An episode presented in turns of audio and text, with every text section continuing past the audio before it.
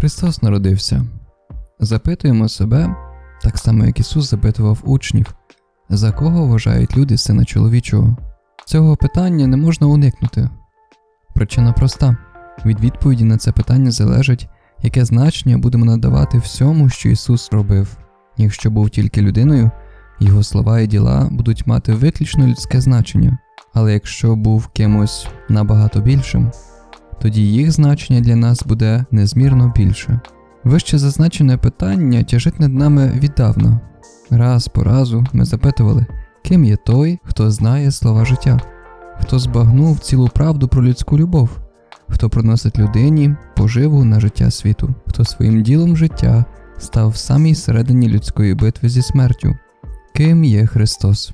Одні відповіді вказують нам на відношення Ісуса до пророків. Виявляється, що Він є тим, кого заповідали пророки. Інші вказують нам на відношення до Бога Отця.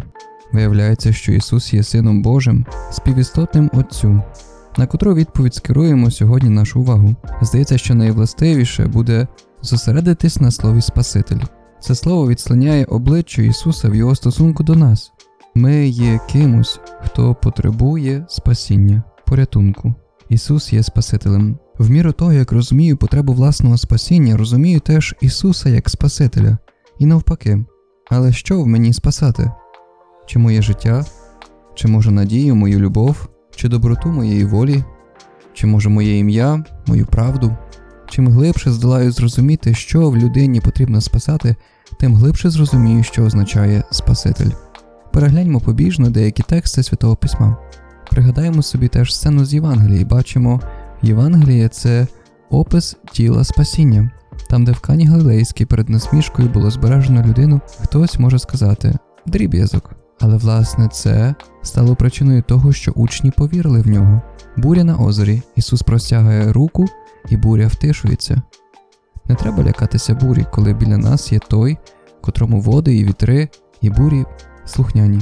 Не треба лякатись також людей, бо вони не можуть вбити душі.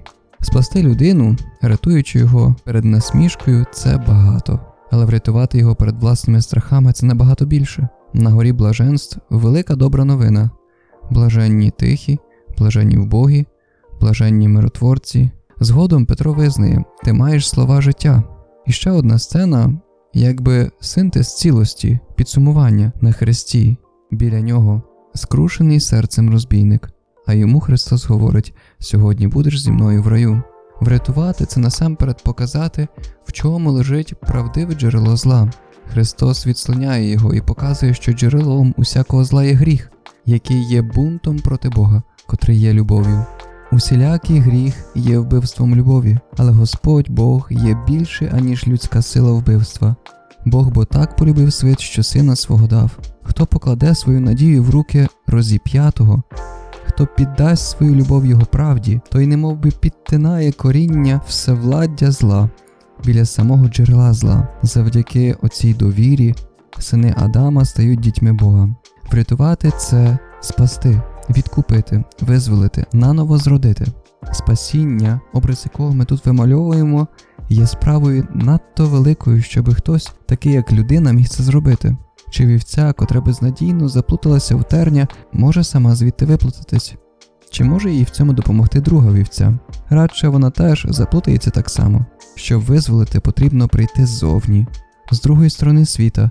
Треба похилитися, треба дати себе теж вколоти цим терпінням. Святий Павло дуже гарно це бачить, коли описує рівний Богу прийняв постать слуги.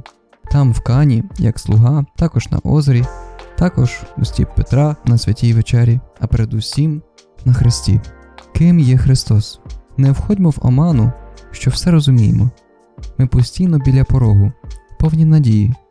Може, завтра зрозуміємо більше, післязавтра ще більше, як читаємо у Святому Письмі, коли був дитиною, розумів як дитина. Будемо розуміти більше, дозволяючи те, щоб росла в нас любов. Відкриємо також широко брами зростанню нашого розуміння. А коли зрозуміємо вже достатньо багато, тоді все стане для нас просте, простіше від найпростіших слів.